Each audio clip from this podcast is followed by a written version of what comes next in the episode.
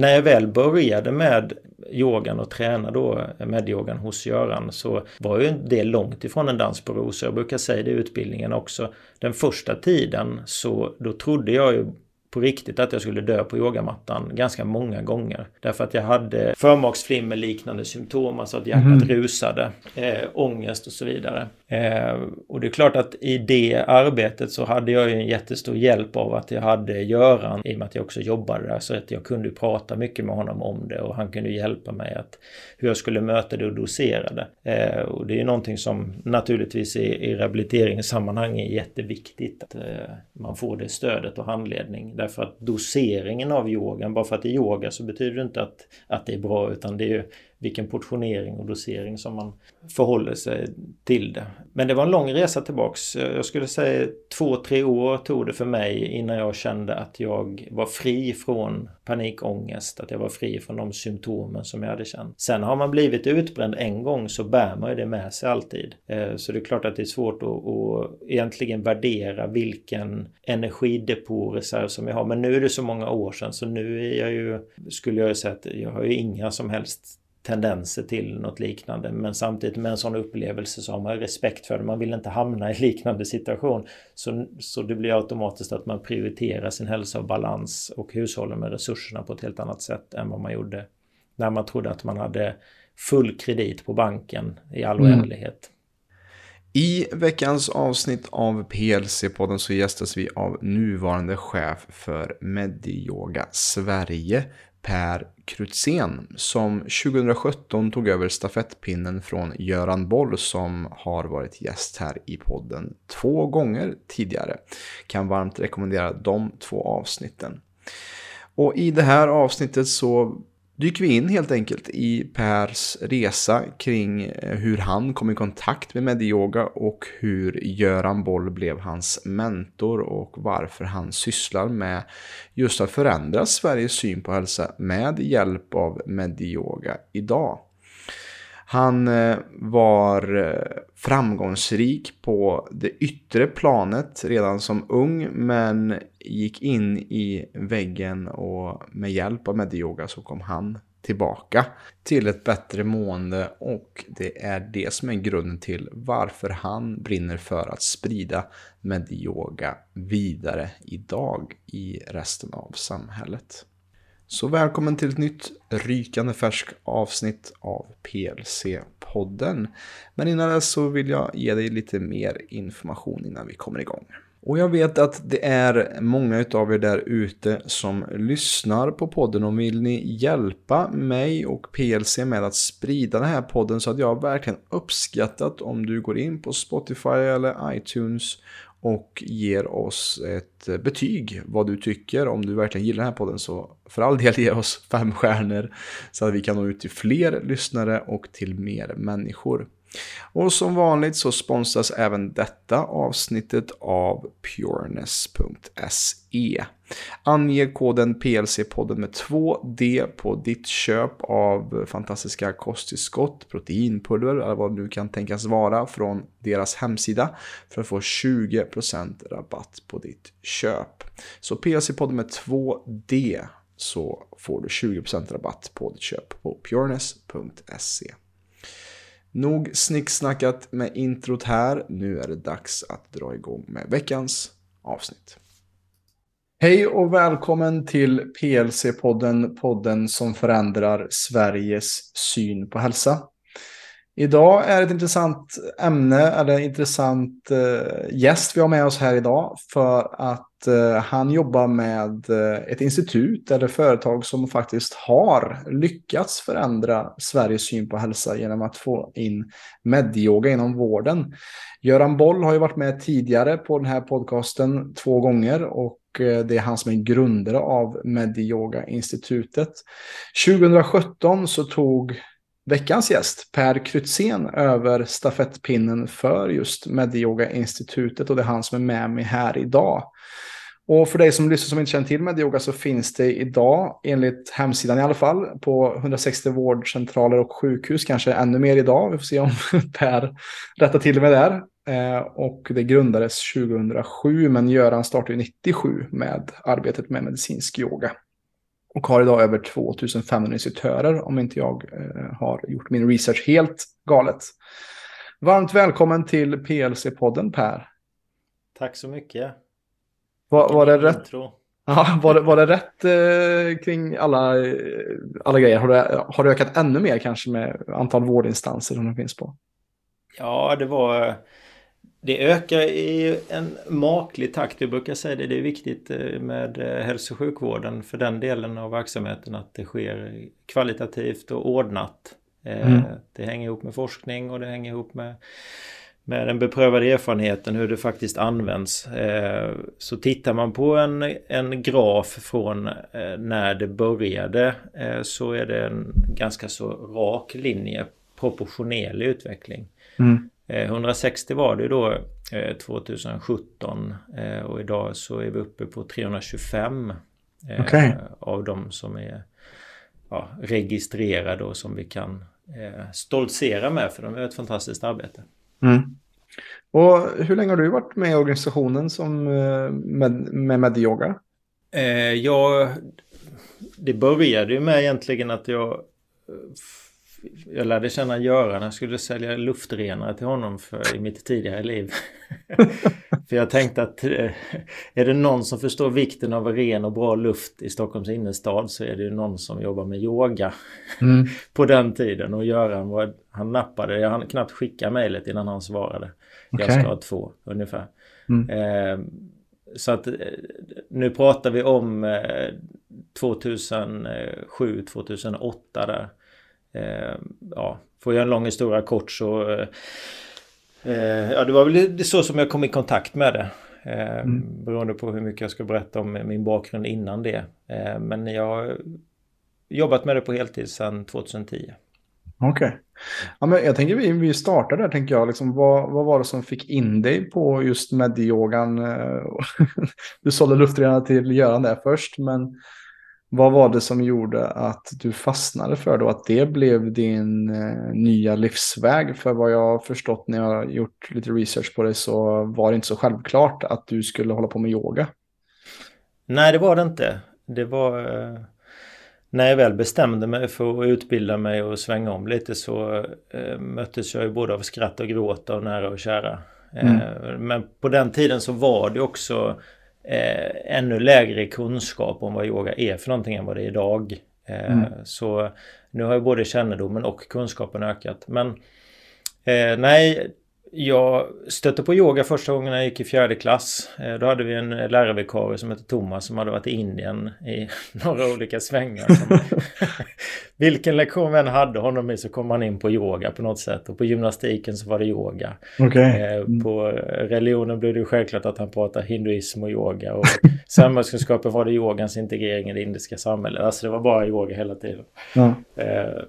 Det var fantastiskt lärorikt. Ehm, men sen så den kulturen som, som jag har vuxit upp med, jag är 70-talist, eh, så har det ju inte varit naturligt. Jag menar 80-talet och början av 90-talet så var ju liksom yogan förpassad till källarlokaler och ja, eh, speciellt för mig som kom från Halmstad så var det ju liksom, jag vet inte ens om jag har sett en yogastudio under min uppväxt någon gång. Mm. Så det var ju väldigt eh, exotiskt det där med yoga. Sen så blev det på 90-talet en en eh, internationell utveckling och det var fler och fler idrottsmän och kändisar och sådär som började prata om att de gjorde yoga och sådär och så ja, blev det mode och sen så har det ena liksom gett det andra. Eh, men jag var ju själv eh, inriktad på att jag skulle bli golfspelare. Eh, det var det så som det började för mig. Så jag höll på mycket med mental träning. Eh, helt ovetande egentligen om att eh, liksom arvet kom ifrån Eh, den yogiska traditionen, vilket jag mm. sen förstod. Ehm, och sen så, eh, ja, jag gjorde väl några försök där på, var väl hyfsad eh, på Sverigenivå bland juniorer sådär. Men jag skulle egentligen finansiera en eh, tävlingssatsning på Svenska Golftouren och tog ett jobb i Stockholm och jobbade som attan och då tyckte de att jag var flitig och sa men ska inte vi betala din utbildning här uppe? Så jag fastnade där, gick IHM Business School och jobbade där. Eh, och tyckte att det här var ju jätteroligt, jag satsar på detta nu. Golfen svalnade lite med affärs eh, liksom, eh, och karriärstänk och så. Tyckte jag var jättekul.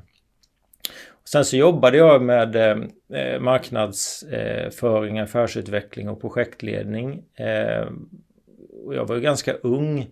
Eh, och på den tiden eh, vi i slutet av 90-talet. Det var en boom liksom med marknadsföring och sådär. Så att eh, det var ju bara att åka med tåget. Men jag trodde att jag var odödlig för att jag har alltid varit intresserad av mental träning och sådär. Men hälsa har ju varit lite så som jag brukar eh, skämtsamt och med glimten i ögat säga att det är som Zlatan säger, det är bara för klenisar.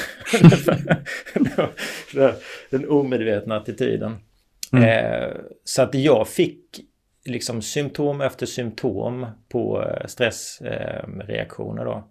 Eh, magen pajade ur och eh, liksom, ja, jag hade svårt att sova, jag fick migränattacker, jag fick synbortfall, eh, så karusellyrslar och det liksom var det ena efter det andra.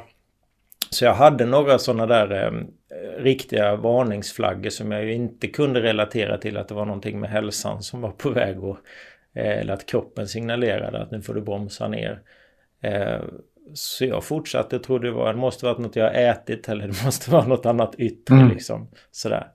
Ehm, men när jag kraschade upp då som 30-åring ehm, Vaknade upp på Sankt Görans sjukhus efter att ha kollapsat på en affärslunch i Kungsträdgården. Eh, och där började väl min resa någonstans. jag kommer ihåg, jag mådde fruktansvärt men någonstans innerst inne så kände jag ändå att det här var wake-up call, det var en riktig käftsmäll ungefär. Eh, sen visste jag inte riktigt hur jag skulle ta mig ur det där. Eh, jag fortsatte att jobba på lite grann men samtidigt så hittade jag ett annat spår som dök upp av en händelse att eh, jag hade jobbat mycket med management och eh, företagsledningar. Alltså just för att när vi jobbar med marknadsföring professionellt så handlar det väldigt mycket utifrån en affärsplan. Alltså att man är väldigt noggrann med målstyrning och den typen av processer. Och det landar ju i slutändan alltid på individnivå. Eh, så det var någonting som jag hade funderat mycket på just att eh, ledarskapsfrågor och hur viktigt det är att ledare i företag, att de visar vägen, inte med vad de säger utan med vad de gör. Det var ju mm. liksom mm. den stora kruxet, för annars är det ganska lätt att anpassa system och strukturer i företag eller ja, personalen borde göra si och så här men företagsledningen kanske inte riktigt eh, lever upp till vad de själva står för. Eh, så det intresserade mig så att jag började studera ledarskapsutveckling eh, mer noggrant och så, ja, var lite olika vägar men det slutade med att jag hoppade på en coachutbildning i USA så jag åkte över dit och träffade Bob Proctor. Han var en av dem som Jaha. hade gjort en film som släpptes där The Secret hette den. Som blev ganska ja. så populär.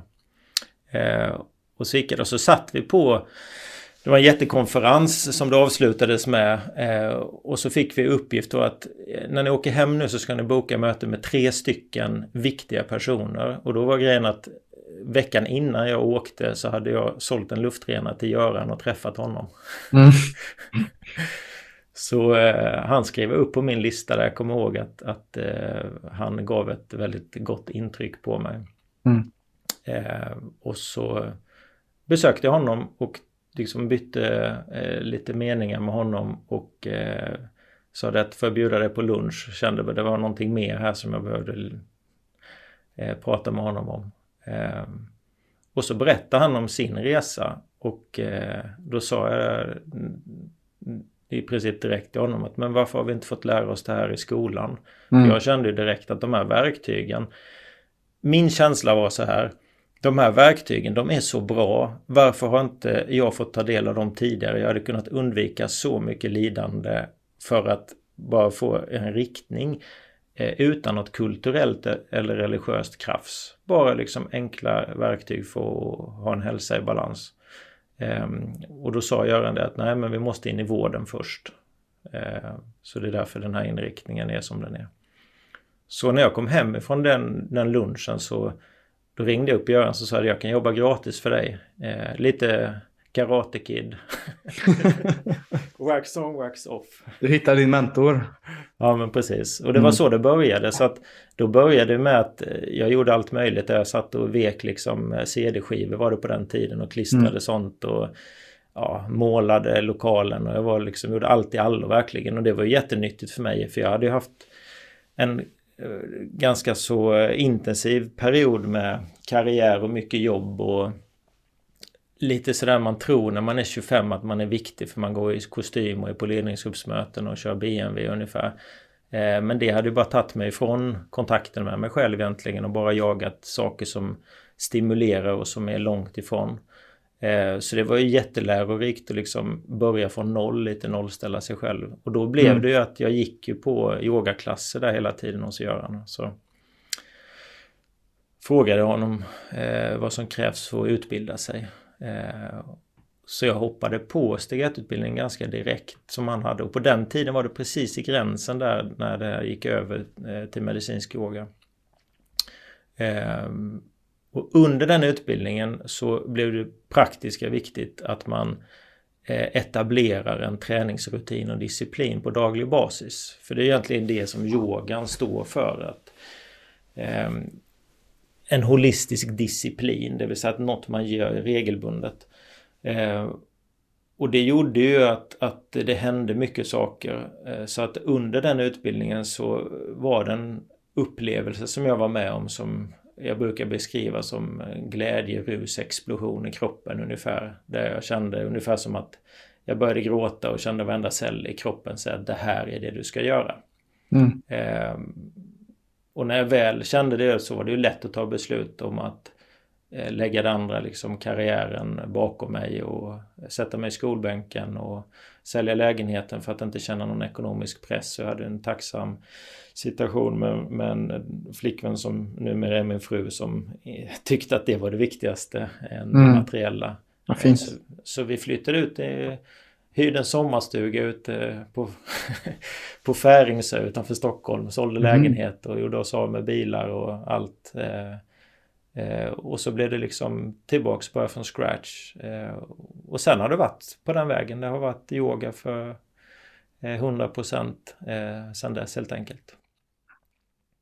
Och vart, alltså jag är så nyfiken på vart du var när du träffade Göran, alltså i din resa med, med stressen och utbrändheten och hur lång tid tog det innan du märkte effekterna av det som Göran ledde ut och, och just mm. fick mm. eh, ja, men, ehm, känna kraften av yogan och hur den kunde läka dig? Mm.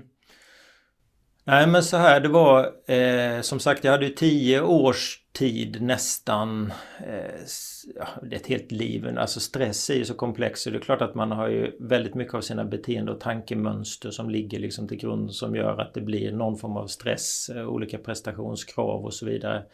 Eh, så att jag hade det med mig i bakgrunden. Jag hade ju åkt på den här käftsmällen när jag kollapsade och vaknade upp på Sankt Görans sjukhus och inte kunde prata. Jag fick bara försöka hitta lägget på insidan av kavajen och ge till mm. sjukvårdspersonalen liksom. Um, uh, och sen därifrån så, när jag kom tillbaka därifrån så då hade jag i mitt huvud att jag ska bli frisk snabbare än någon annan ungefär. Så att tävlingsinstinkten var nu kör vi. Ja. Eh, och vet, jag gick ju på lite olika sorters yoga och kände det var fantastiskt. Jag var, hade, det var en fantastisk lärare som undervisade ashtanga-yoga. Som någonstans innerst inne kände jag att det här är skitbra men min kropp pallar inte ungefär. Mm. Eh, och eh, det hade man ju säkert kunnat dosera och sådär. Men, men som vanlig elev så när man är nybörjare så har man inte insikt om de eh, detaljerna. Eh, så det är klart att den här, det här spåret med att jag försökte hitta liksom någon annan väg. Jag jobbade just i reklambranschen där som det var ju under de åren jag jobbade så var man ju hjälte när man jobbade liksom ett svep 24 timmar och inte sov en natt liksom. Då var man bara wow yes ni gjorde det, coolt mm. grabbar ungefär sådär eller tjejer.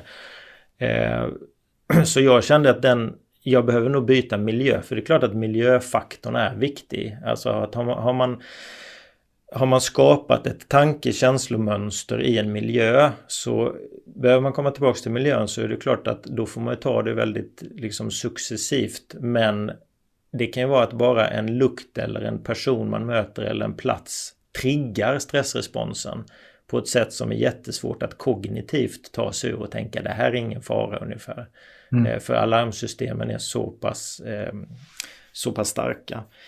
Så jag kände intuitivt att, att samtidigt som det också var väldigt eh, inspirerande det här med ledarskap och coaching och så vidare. Och, och eh, det var någonting i det här, alltså då Bob Proctors undervisning om, om eh, Life Success Consultants som jag tyckte var fascinerande. Mm. Eh, som närmar sig, finns, eh, fanns i alla fall, vet inte om den eh, utbildningen finns kvar, han gick ju bort här, här om året. Ehm, men som närmade sig meditation och mindfulness och vikten av att kunna centrera sig och ja, mental styrka och så vidare. Eh, så att eh, jag var väl i gränsen sådär. Jag mådde långt ifrån bra. Jag kommer ihåg jag fick ett uppdrag på en, eh, en stor, stort mediebolag. Eh, där de ville då på sikt att jag skulle bli eh, marknadschef. Men jag kände det var som att gå ner för en trappa. Jag jobbade en vecka och så mådde jag dåligt och så laddade jag upp under helgen så jobbade jag en vecka till och så blev jag ännu sämre så jag bara kände det går inte. Jag kommer, det kommer bli exakt samma sak. Mm. Så att jag träffade han i den vändan och eh, när jag väl började med eh, yogan och träna då medyogan hos Göran så var ju det långt ifrån en dans på rosor. Jag brukar säga det i utbildningen också. Den första tiden så då trodde jag ju på riktigt att jag skulle dö på yogamattan ganska många gånger.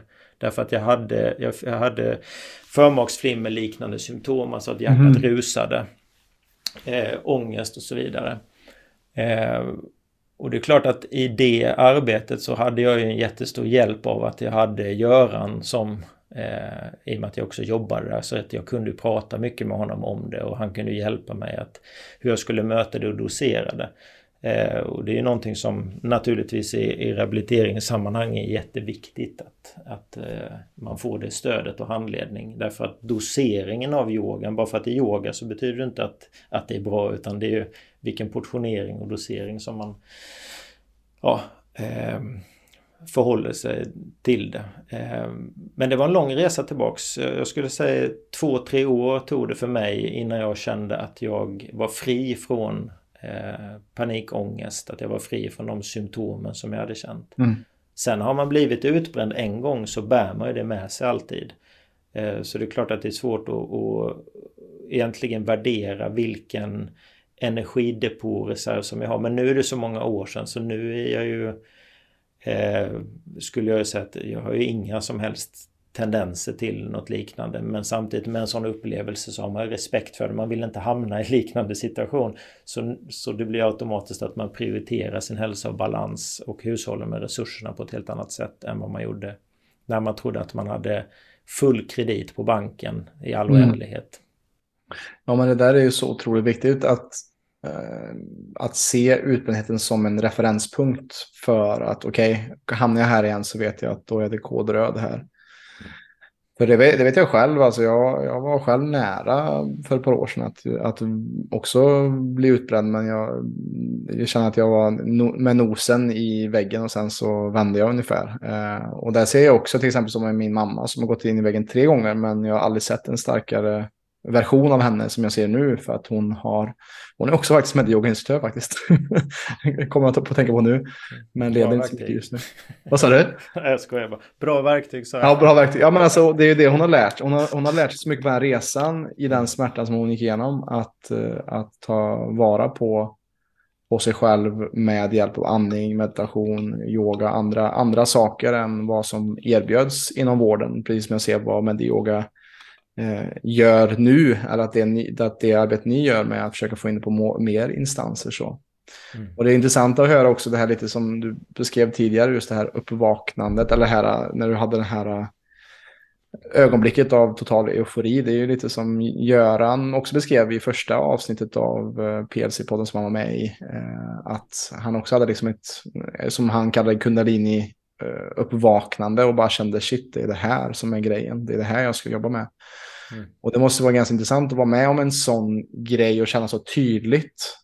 Eh, som också relativt ung tänker jag också. Att det här är vad jag ska göra och som du märkte så var det saker som bara drog ner dig som du borde göra. Eller du hade bilen, du hade kostymen, du hade eh, chefspositionen men ändå valde att steppa ner från det för att eh, jaga någonting mera betydelsefullt är vad jag hör i alla fall.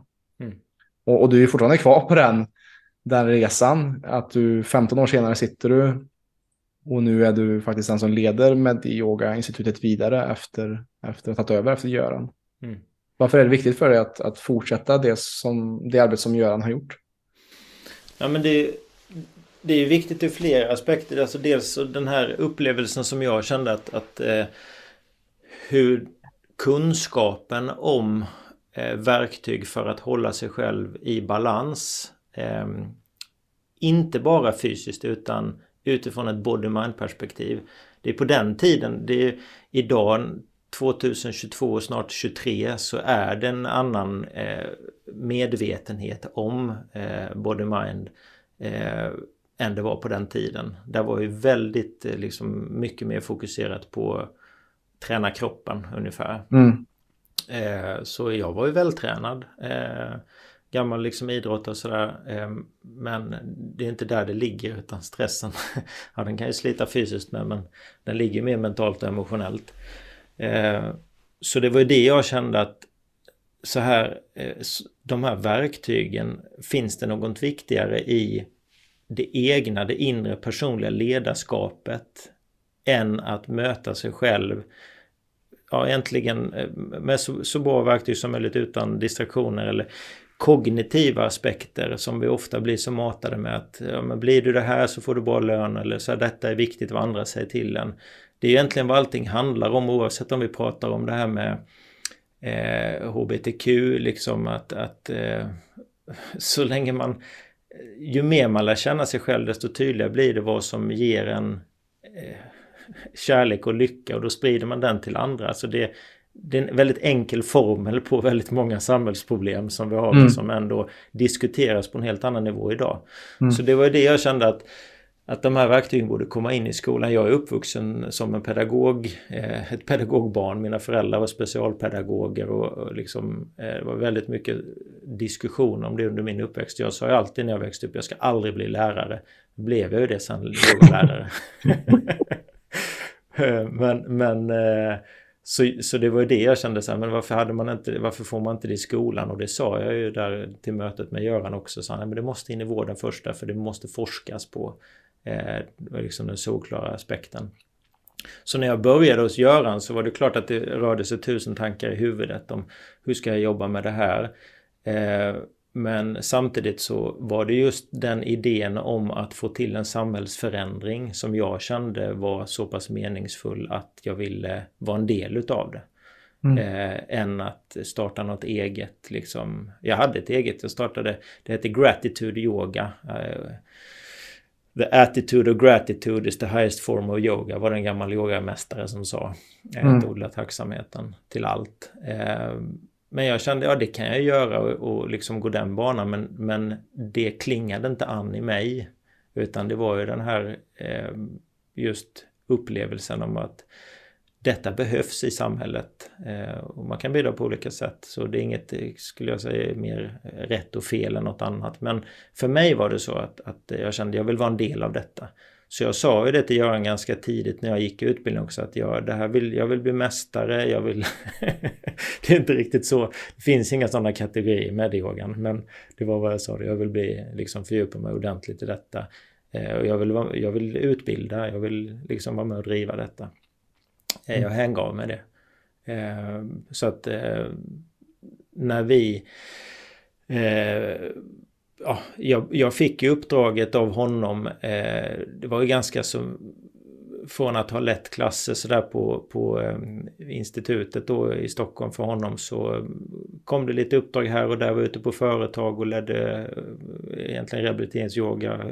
Jobbade ner på Astra, mycket på deras företagshälsovård och de har även rehabilitering för sjukskriven personal. Och, eh, ja, jag var runt på en hel del FRA, Försvarets radioanstalt och lite sådär. Eh, startade upp utbildningen uppe i Falun eh, och sen så fick vi vårt första barn eh, och både jag och min fru är från Halmstad så sa jag, jag eh, skulle gärna vilja komma ner och jobba mer södra Sverige. Eh, och då mm. passade det sig bra så att det blev att jag tog över ansvaret för Göteborg och Malmö utbildningarna då.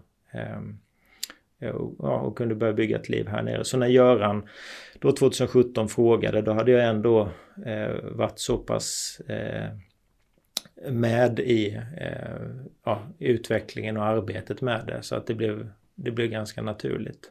Mm. Eh, och därför blir det inte så stor grej heller. Jag ser det också jätteviktigt att inte låta egot ta någon plats i detta. För jag tror att i det som vi vill göra och det som vi jobbar för så är ju det mycket större än det enskilda egot och eh, det håller inte om det ska hänga på en person så vi har ju, jobbar väldigt mycket utifrån de här Alltså att skapa strukturer och miljöer för att eh, det vi gör ska kunna leva mycket längre än eh, den enskilda individen eller företaget. Eh, så ja, det känns naturligt och hedervärt. Ja, och det är ju också viktigt att, att det som att inse den unika rollen som du har, som Göran hade i att starta det också såklart, men att se också att om man inte kan lära upp någon till att ta över stafettpinnen så kommer det ju dö med den personen som har utvecklat det. Så det låter ju som eh, en väldigt eh, sund eh, idé att ha och ta med sig och att, att inse att det du gör är viktigt men också att, att för det kollektiva också för att föra det vidare till att hjälpa så många människor som möjligt i en potentiell framtid är ju kanske det absolut viktigaste. Mm. Ja men precis, det är en, det är en samhällsfråga. Mm. Eh, och jag tror att det kommer finnas, eh, vilket är viktigt att understryka, fantastiska yogalärare som utifrån individnivå och eh, man kan göra ett jätte, beröra många tusen personer liksom mm. i, med klasser och sessioner och sådär.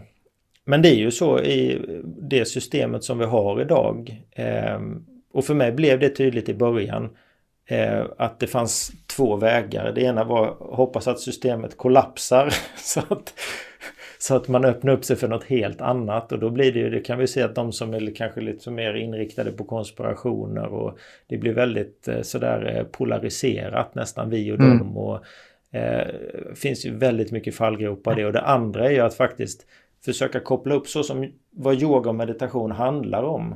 Det handlar inte om att göra en del bättre eller värdera någonting utan det handlar om att vad kärlek också definieras som, att få energin att flyta och cirkulera. Alltså få informationsutbyte. Så ju mer vi förstår de olika delarnas interaktivitet, alltså bara inom vår egen kropp, men i det här fallet då i samhället, alltså kan vi koppla istället den här uråldriga visdomen, för den blev tydlig för mig att det var därför den inte fanns i våra system. Det handlar mm. egentligen om kulturella aspekter. Eh, och forskningen är vägen för att egentligen se på samma tekniker med andra glasögon.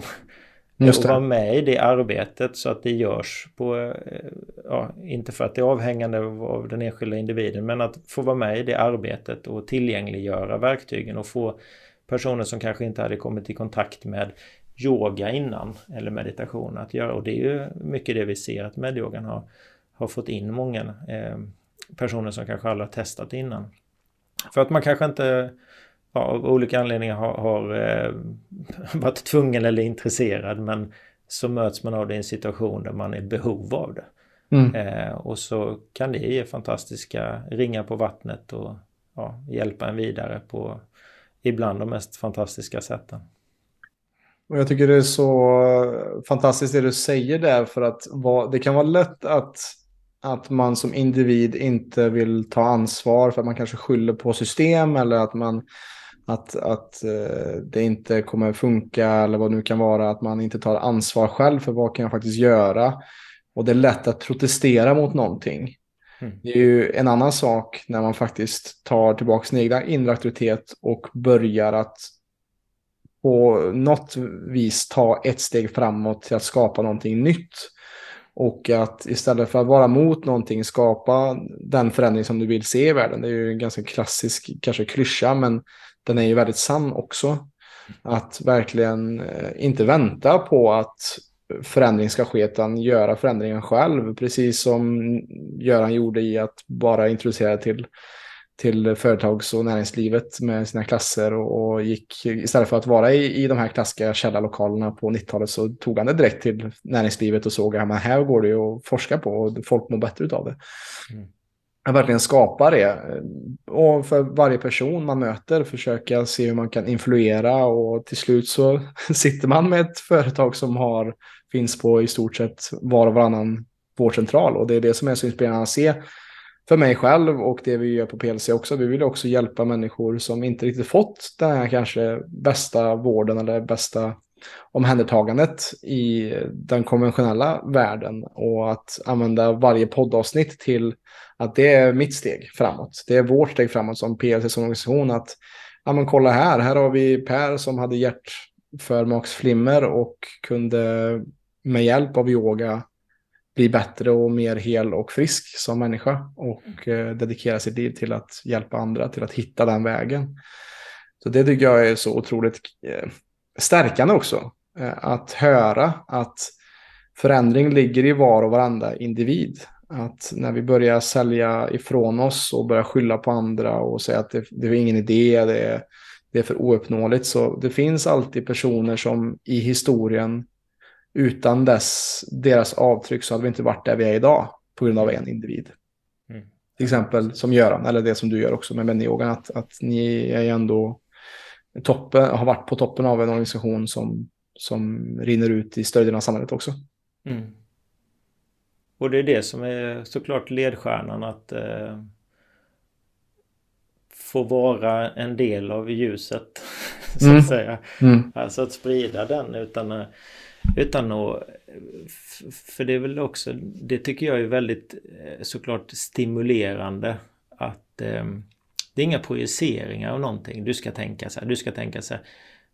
Att yogan, att få liksom vara med och eh, lyfta yogan så att den inte presenteras som icke-yoga. Det tycker jag är det mest mm. liksom upplyftande. Så här, eh, ja men det är vi inne på nu. Eh, vad är liksom bottom line med det vi gör? Ja, vi, vi, vad är det för värld vi vill leva i? Mm. Vad är det för värld du vill leva i? Alltså, den typen av tankar kanske man inte tänker naturligt när det är ett välfärdssamhälle och det flyter på och man har roligt och sådär.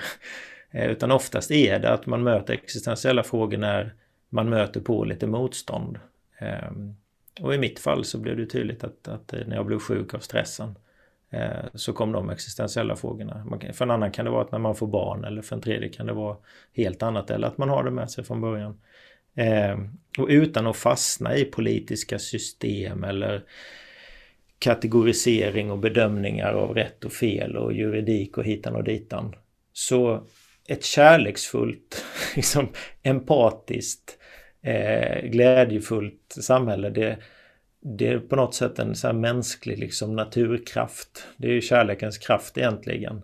Eh, och kan man vara med att ja, bidra till den ehm, så eh, ja, det, det blir ganska naturligt. Mm. Det är också ett antidote till att tro att det är man själv eller att egot ska liksom ställa sig över det utan att ehm, ja, det är så universellt på något sätt och mm. meningsfullt. Eh, så det är det som är drivkraften och, och som vi var inne på här att, att ehm, hur kopplar vi ihop det? Så att vi inte får en, ja, blir man sjuk så ska man in i hälso och sjukvården, det är innanför de här väggarna, men annars får du sköta dig själv. Mm. Så, eh, vi och dem, och det kan vi se på alla nivåer, även i den e-, egna kroppen. Så eh, att, att möta det mm, så ödmjukt som möjligt med förståelse och då leder det också till en naturlig utveckling av ens medvetenhet. Eh, det kan vara så lärorikt bara i vardagen man sitter och formulera en text och så säger min fru så är det ingen som fattar det, det är för avancerat. Så, mm. så tycker jag, men vadå inte fatta? Det kan vara lite frustrerande men ja just det. Genom att byta de här två orden så, så blir det tillgängligt. Då är det viktigare än att man skjuter över målet. Så mm. Eh, det är hela tiden eh, har man bara det perspektivet att att man vill eh, liksom utveckla sig själv och möta sig själv. Men då är det ju dem, då behöver man de verktygen också. Eh, eh, av det holistiska. Så ja, summa summarum, det är det som är drivkraften. Eh, att, att odla ett helhetsperspektiv, det är ett hållbarhetsperspektiv. Och våran, vårt arbete är ju att vara lite isbrytare, att göra jobbet gentemot hälso och sjukvården. Och sen finns det ju massa andra områden. Mm. Precis. Och vad jag fastnade på var du nämnde kärlekens kraft. Och, och det kan ju låta liksom luddigt i, i mångas ögon där. Om du, om du går till en läkare och, och läkaren säger att ja, du måste använda dig av kärlekens kraft här Per för att läka. Exakt. Det låter ju väldigt luddigt, men, men om du skulle beskriva just det som du var inne på, just med att komma i kontakt med, kanske med, komma i kontakt med empatin, till självläkning, till den eh, kärlekens kraft. Vad är det inom medyogan som gör att vi kommer i kontakt med den kraften? Det är en delikat fråga. Eh, för det är ju inte riktigt så vi varudeklarerar medyoga. Eh, ska vi hålla oss kliniskt så är det ju eh, en parameter som eh, oftast, eller den beskrivs som quality of life. Mm. Alltså en livskvalitetsfråga. Eh, och tittar man på livskvalitet så finns det ju en hel del faktorer som påverkar upplevd livskvalitet. Eh, har vi funktionsnedsättningar, sjukdomar och så vidare så är det påtagligt och kan vi hantera dem så att vi minskar de besvären som gör att vi blir nedsatta så kan det påverka livskvaliteten ganska mycket. Men sen finns det andra saker, ekonomiska aspekter, eh, eh, meningsfullhet eller KASAM och så vidare. Det finns mm. eh, lite andra parametrar. Eh, så det är ju som sagt ett flummigt område och ehm, men livskvaliteten den påverkar ju såklart eh, alla delar av oss och, och likadant tvärtom. Så eh, mår jag inte bra emotionellt för jag har en olycklig liksom sorg eller någon förlust och sådär så vet vi det påverkar vårt immunförsvar. Det gör att vi blir högre, vår stressnivå ökar, att vi sover lite sämre. Eh, och, och, många av den här, detta är bara ett exempel av eh, egentligen hur olika delar påverkar varandra. Det kan leda till en nedåtgående trend som gör att vi kanske försöker kompensera det med något litet beroende. Kanske att vi kanske äter lite mer sötsaker eller att vi, vi vill inte gå och lägga oss för att hålla ut lite mer av dagen, alltså negativa beteendemönster. Mm. Eh, och just stimuleringen gör ju där att vi dämpar vår förmåga att känna efter. Eh, så den typen av strategier eh, är ju eh, nedbrytande så att säga. Och det går ju, det är lite att likna som att handla på kredit. Alltså så länge som man har en kreditgräns på banken och så länge som vi kan ta ut lite mer i lån hela tiden som vi gör av, av vårt system då. Eh, så kan vi komma lite längre men smällen blir hårdare när vi väl inser att shit, nu åkte jag på, nu, nu gick det för långt. Eh, och åt andra hållet då eh, kan jag då med till exempel bara att medvetandegöra kopplingen mellan hur jag tänker och hur jag mår, min kontakt rent fysiskt, eh, hur jag andas, alltså bara sitta ner och andas en liten stund och känna efter och tillåta sig det. Även om det pickar på rastlöshet eller vad det nu kan vara och, och välkomna de känslorna. Eh, så kan det leda till salutogena fördelar, det vill säga att jag kanske värderar att gå och lägga mig ja, klockan tio idag istället för att sitta upp och titta klart till halv elva. Samtidigt kan det säkert vara givande någon gång. Det behöver man ibland göra, bryta mm. på lite gränser.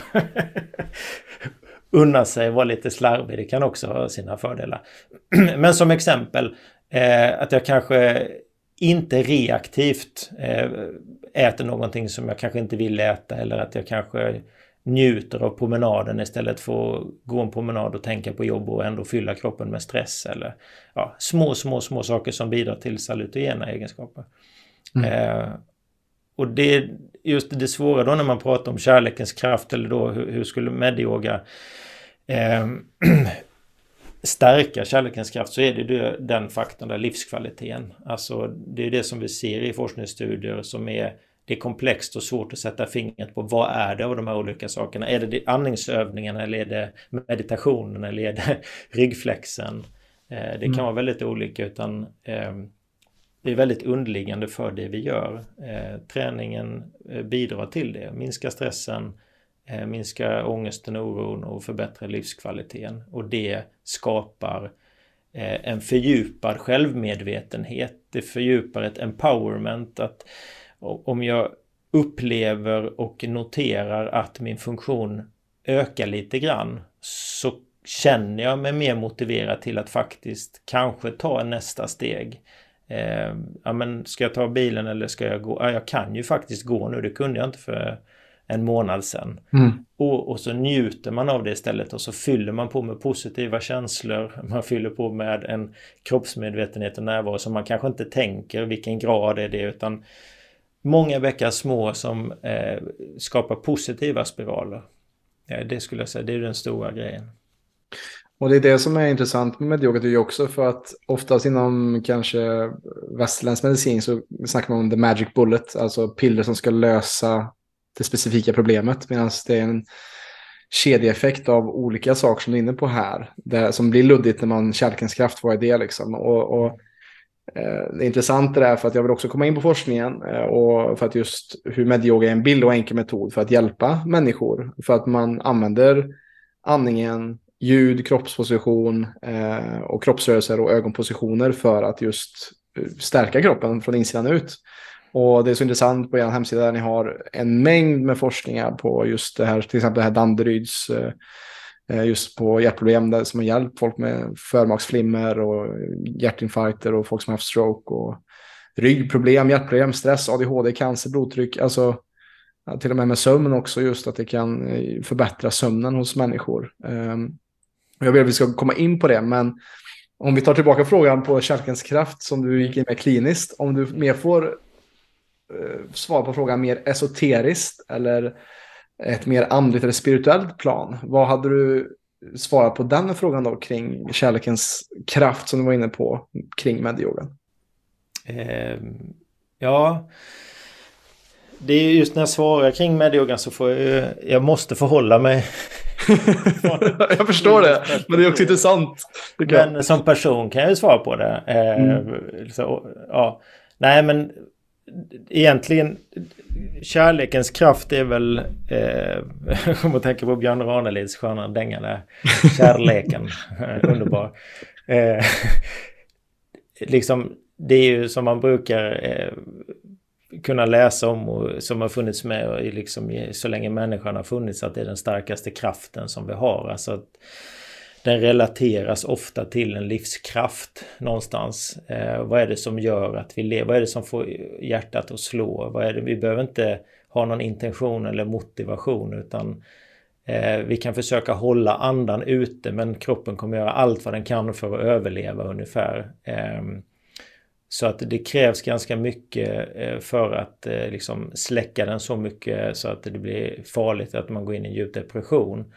Ehm, men kärlekens kraft de är kopplade till, det finns ju ett område som heter compassion inom eh, den, eh, den, moderna eh, psykologin. Eh, och det är ju även kopplat också väldigt mycket till rent eh, neurologiskt, alltså till spegelneuroner och så vidare. Så att eh, det vi tänker om oss själva och likväl som mot vår omvärld så fyller vi oss själva med samma energi.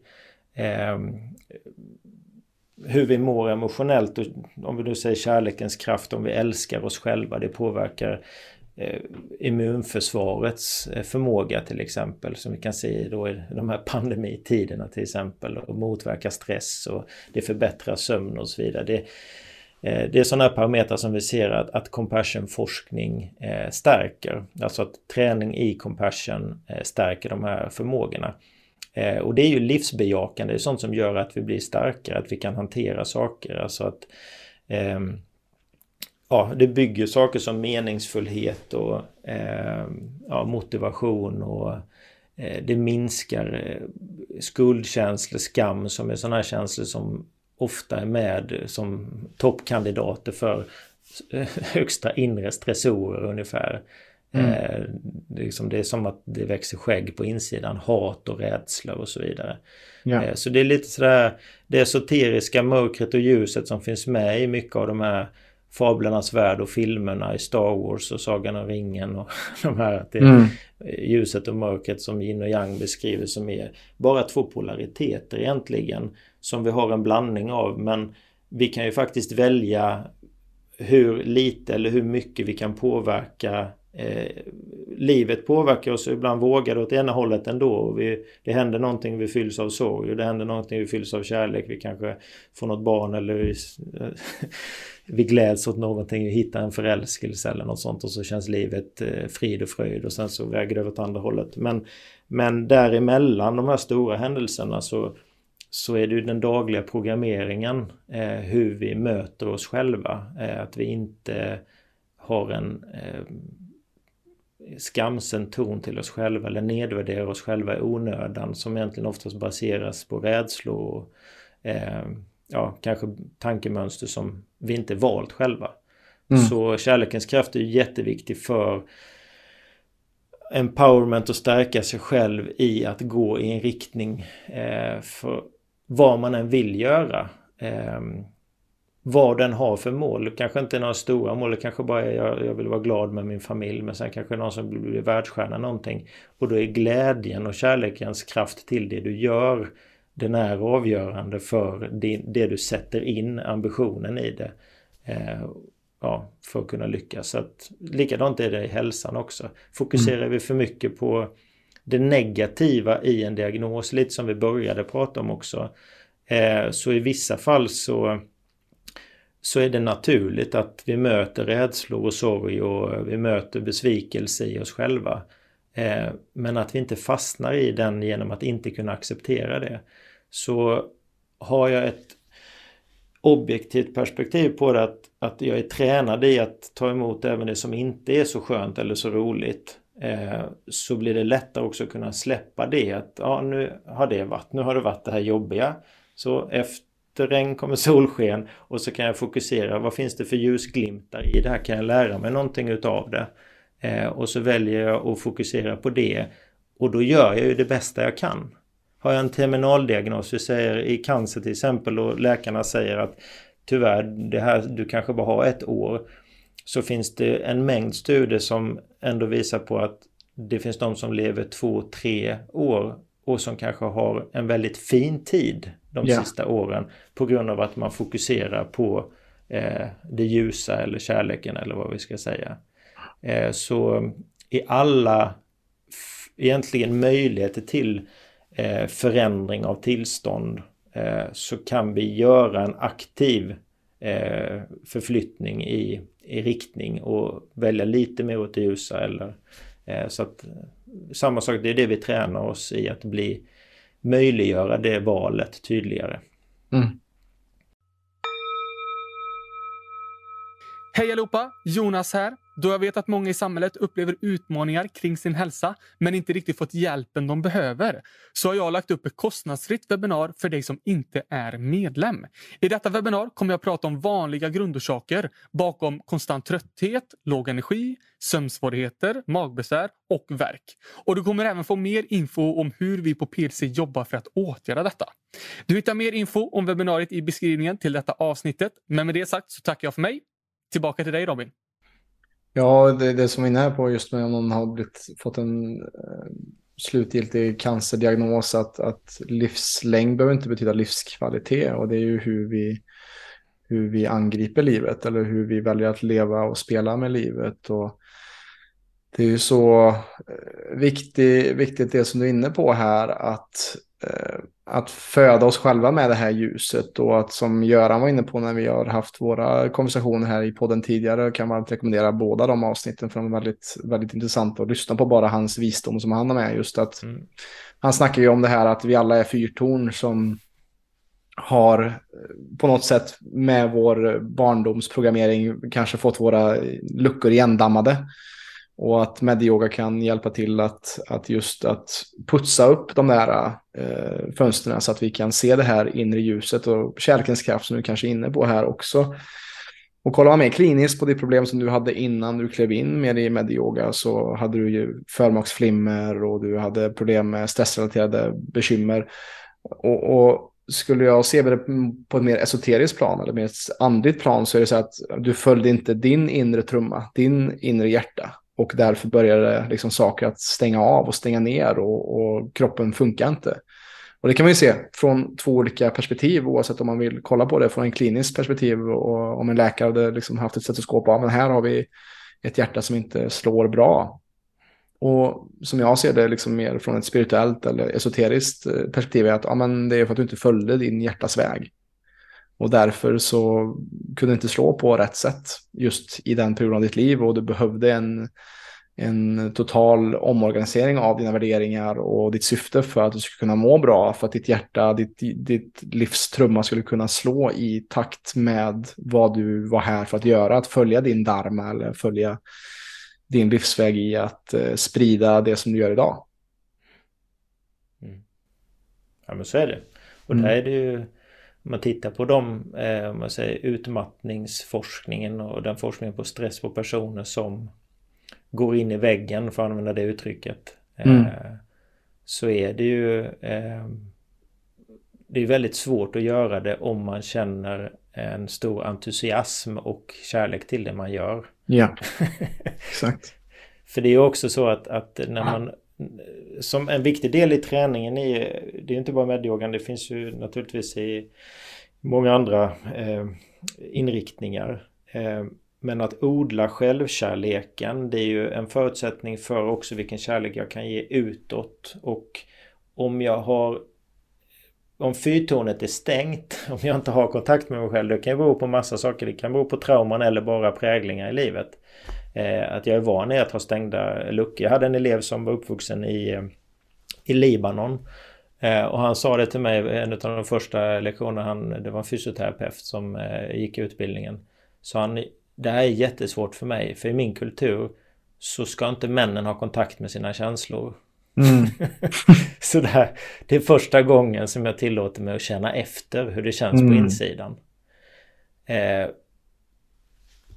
och då är det så, det spelar ingen roll om du har ett företag eller om du ska åstadkomma någonting. Om du ska skapa dig ett nuläge så behöver du ha ett informationsunderlag innan du tar ett beslut. Eh, och om du inte har kontakt med kroppen, hur bra är informationsunderlaget? mm. Är det här rätt steg för mig? Då blir det bara en intellektuell process. däremot är det jätteintressant, alltså just kopplingen mellan hjärtat och hjärnan som jag skulle säga lite vattendelar inom den kliniska världen. Det är väldigt många som är inne på just hjärtat som den österländska traditionen tydligt definierade är kejsaren av organen. Det är hjärtat som, som centralt förmedlar informationen till hjärnan. Här har vi huvudkontoret mm. Eh, och det är fantastiskt för det kan registrera allt som sker i kroppen. Eh, men sambandscentralen i hjärtat. Och har vi då en, en diskreptans eller det finns en disharmoni mellan hjärnan och hjärtat på grund av egentligen vanemässiga eller beteendemässiga eller präglingsmässiga mönster så, eh, så leder det till disharmoni som där ordet dis-is, att vara mm. out of ease kommer ifrån. Dis-is, det engelska ordet för sjukdom. Eh, så att Ja, det är inte så långt ifrån.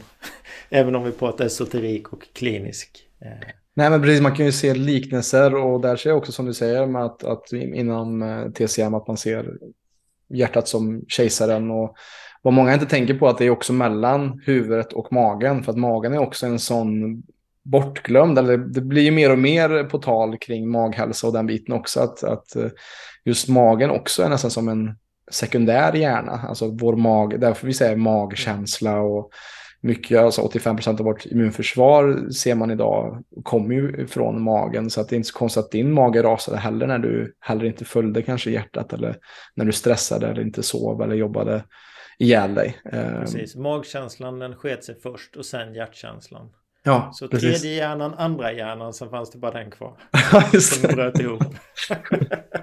Och det är, det är som du som, eh, som varit liksom i The Gallagher Institute med Bob Proctor där, eh, som också jobbat mycket med tankeverksamheten och med mentala, så är det också Tony Robbins säger också det, if you're in your head, you're dead. Alltså att vi ska inte vara för, alltså det är jättebra att vi har vår hjärna, det är ju fantastiskt att ha den här kognitiva förmågan, att kunna tänka logiskt och analytiskt.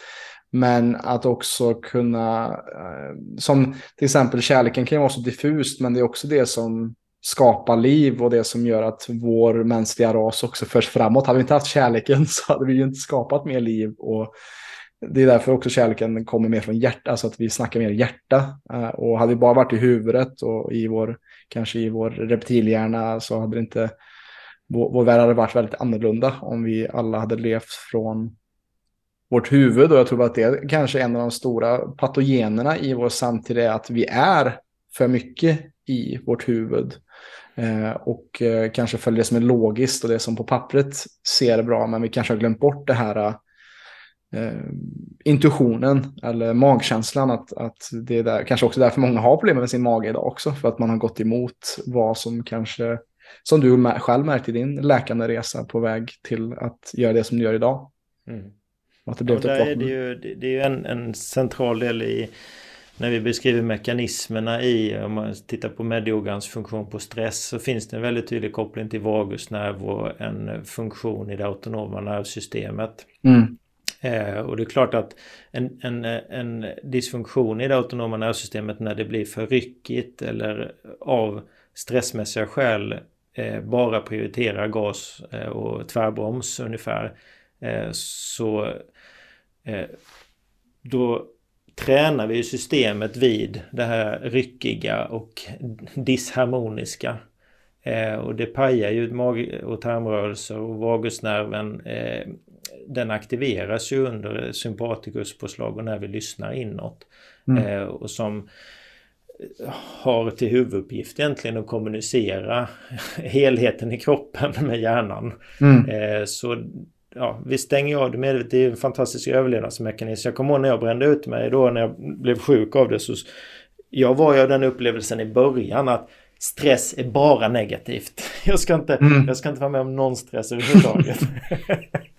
Men det var ju som jag definierade skadlig stress. Mm. Eh, men livet är ju en berg och, och eh, det är också viktigt i det här sammanhanget att eh, man inte blir för svartvit. För att yogan handlar ju om att kunna se alla nyanser.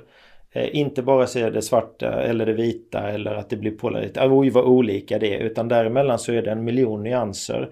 Och samma sak är det med våra system. Vi vill ju träna oss, ta hjälp av de här verktygen att kunna välja vilket läge vi vill vara i. Så att ungefär likt en bil att är det motorväg då vill jag ju kunna köra i 110 utan att det skakar eller låter för mycket. Men jag vill ju också kunna krypköra och njuta av, veva ner rutan och njuta av utsikten och lukterna eller jag vill kunna köra på lite kringelikrokvägar. krokvägar. Och vi vill kunna vara funktionella så vi vill ju kunna reglera oss så att det inte bara är allt eller inget eller att vi blir nästintill liksom strypta i vårt förhållningssätt eller våra perspektiv. För det, det är ju motsatsen till det empatiska, det förlåtande, det kärleksfulla. Eh, och där kan vi se de här eh, kontrasterna eh, i då också hur den här träningen i att när vi börjar öppna upp och få samspel i kroppen och så vidare så är det en högst esoterisk förklaringsmodell eller hypotes men, men någonting som också gör att, att vi kan fördjupa vår medvetenhet och förståelse för hur faktiskt intelligens eh, är uppbyggd. Att det är utbytet av saker som gör att summan av delarna blir större än, än, än eh, eh, alltså det blir en synergi. Summan är större än bara de enskilda komponenterna tillsammans.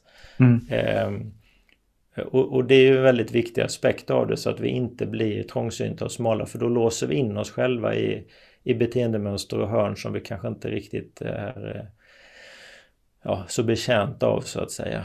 Eh, utan att, att ju mer vi kan fördjupa oss och, och, gå på djupet och lyssna till vad är det som är min hjärtas sång eller även om jag inte hittar det tydligt så, eh, så har jag ändå valmöjligheten. Det är ja. det. Eh, och den, den är ju en mänsklig rättighet, friheten. Ja, exakt. Och, och, det är väl det som är så viktigt, eh, alltså som det står också på er hemsida, just det här holistiska, att helheten, att ta med allt, allt i hela kroppen och hela människan för att, att eh, komma till helheten och, och totaliteten av att bli friskare, läka med, med hjälp av kombinationen av det som medyoga ger helt enkelt. Och, tycker det är intressant att du kommer in på vagusnerven och, och tycker också det är intressant att se det här med HRV-värde också, hur det förbättras också. Mm. Vi kan väl snacka lite om det som är stommen för att medyogan kom också in i vården. Det är ju all den här forskningen som har gjorts på och studier som har gjorts på på grupper som har gjort yoga och, och sett effekterna utav det och där man ser en, en bättre stresshantering och, och bättre mm, aktivering av vagusnerv och bättre HRV-värde och sånt. Kan du berätta lite om det viktiga arbete som ni gör för att just göra det eh, så att det blir mer kliniskt och mer förståeligt för gemene man? Mm. Absolut. Nej, men jag tror så här i, i, den resan som vi haft och som Göran var inne på lite eh, i, eh, när han medverkade hos dig här också i podden. Eh, att eh, resan var ju inte eh, helt enkel från början. Eh, och det är ju många andra länder som fortfarande tittar på Sverige och undrar hur gjorde ni? Liksom, hur har ni gjort? Mm. eh, och jag tror att i början så var det viktigt eftersom det inte fanns någon beprövad erfarenhet. Man kan säga att de interventioner som är accepterade inom hälso och sjukvården de ska ju bygga utifrån ett evidensperspektiv eh, och det finns en modell som eh, beskriver evidensperspektivet som är en kombination av eh, forskning av beprövad erfarenhet och sen också den tredje delen så är det patientens önskemål. det är också en viktig del. Men bästa tillgängliga kunskap, forskningsbaserat och sen så bästa tillgängliga expertis och beprövad erfarenhet och eh, utifrån patientens önskemål och förväntningar. Det är de tre delarna som är avgörande för evidensbas ja, evidensmodellen. Eh, så i början så fanns ju inte det och det är klart att har man en metodik eh, som man beskriver som en yogaform så är det jätteviktigt då att man har någon form av paketering, standardisering och det var ju viktigt i början att det fanns standardiserade program så att receptet för hur man gjorde än att det var en yogaform som eh, var lite öppen och fri och man kunde göra lite hur man ville. Eh, för att receptet och paketeringen bidrar till att det blir en trygghet, en patientsäkerhet som är väldigt viktig i eh, hälso och sjukvården. Eh, men naturligtvis också som påverkar kvaliteten i leveransen och så vidare. För det finns en struktur som är enklare att följa. Sen måste det finnas alltid en öppning för individanpassning och att man, den eh, ja, professionella instruktören ändå kan lägga fokus på olika saker. Det är jätteviktigt. Eh, så att man inte heller tror att yogan är paketerad som någon fyrkantig formel ungefär. För så kommer det aldrig vara heller. Mm. Eh, men det var ju viktigt och det är ju också någonting som har eh, varit centralt eh, i eh, forskningen också. Ehm, och som fortfarande är skulle jag säga. För det är, det är komplext att forska på detta ehm, beroende på vad man vill titta på. Mm. Ehm, inom, om man tittar på den här eh, Yoga and Healthcare som är en samlings... Jag tror den kan betraktas som en samlingsutgåva men det är i alla fall det är flera författare som är eh, väl framträdande inom eh, IAYT, då International Association of Yoga Therapists. Eh, som sammanställt hur yogan används globalt inom hälso och sjukvården, så har man med expertpanel. Eh, så är det inget snack om saken att, eh, vilket vi vet idag, och det är stor skillnad mot för 15 år sedan, då var det inte alls så mycket forskning på yoga som det finns idag. Yoga och meditation ska tilläggas. Eh, så det vet vi idag.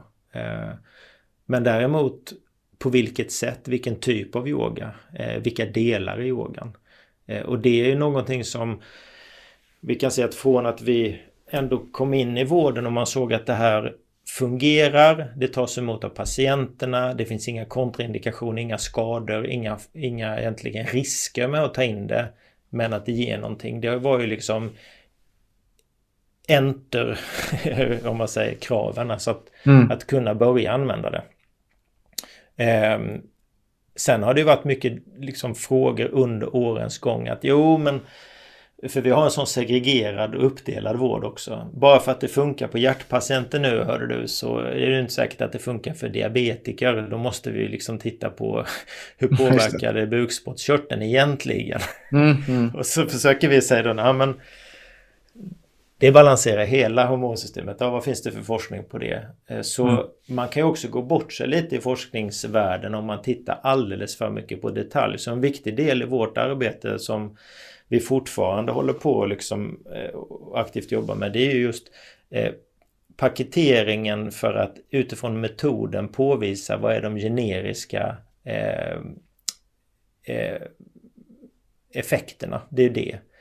Eh, och vi har ju kommit ganska långt för tittar vi rent generellt på den strukturen utifrån den metodiken som man använder med yoga hälso och sjukvården så eh, är det ju de här eh, effekterna som är återkommande och det spelar egentligen ingen roll vilken typ av målgrupp eller vilket program man använt. Eh, vi kallar dem för standardprogram.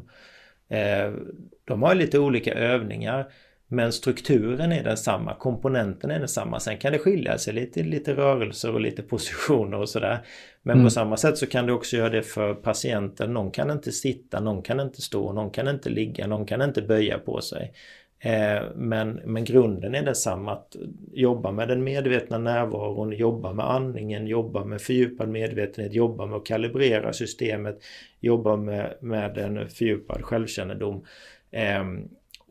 Och då leder det till de här grejerna, till minskad stress som eh, också påverkar minskad ångest och smärthantering, förbättrad sömn, eh, komponenter som kostnadseffektivitet. Då har vi den samlingen som gör att man också kan se medyogan som en diagnos eh, överskridande intervention. Det är väldigt viktigt så man inte bara isolerar och säger så här, ja men då kan vi använda detta på hjärtpatienter och så är det klart, det här blir en, en hjärtintervention ungefär. Eh, och det hade väl varit liksom fine. Det finns ju många metoder som är yogabaserade eller som är yoga eller meditation eller mindfulness som man har tagit ut och kallat satt etiketter på som fungerar på patientspecifika områden. Eh, och, och som är en väldigt isolerad metod.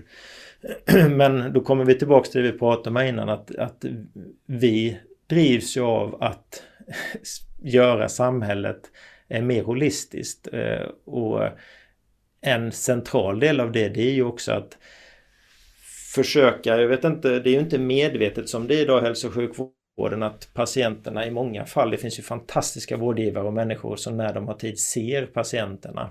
Men det är väldigt många som beskriver att de blir rundbollade som en siffra någonstans eller får mm. vänta flera månader i kö.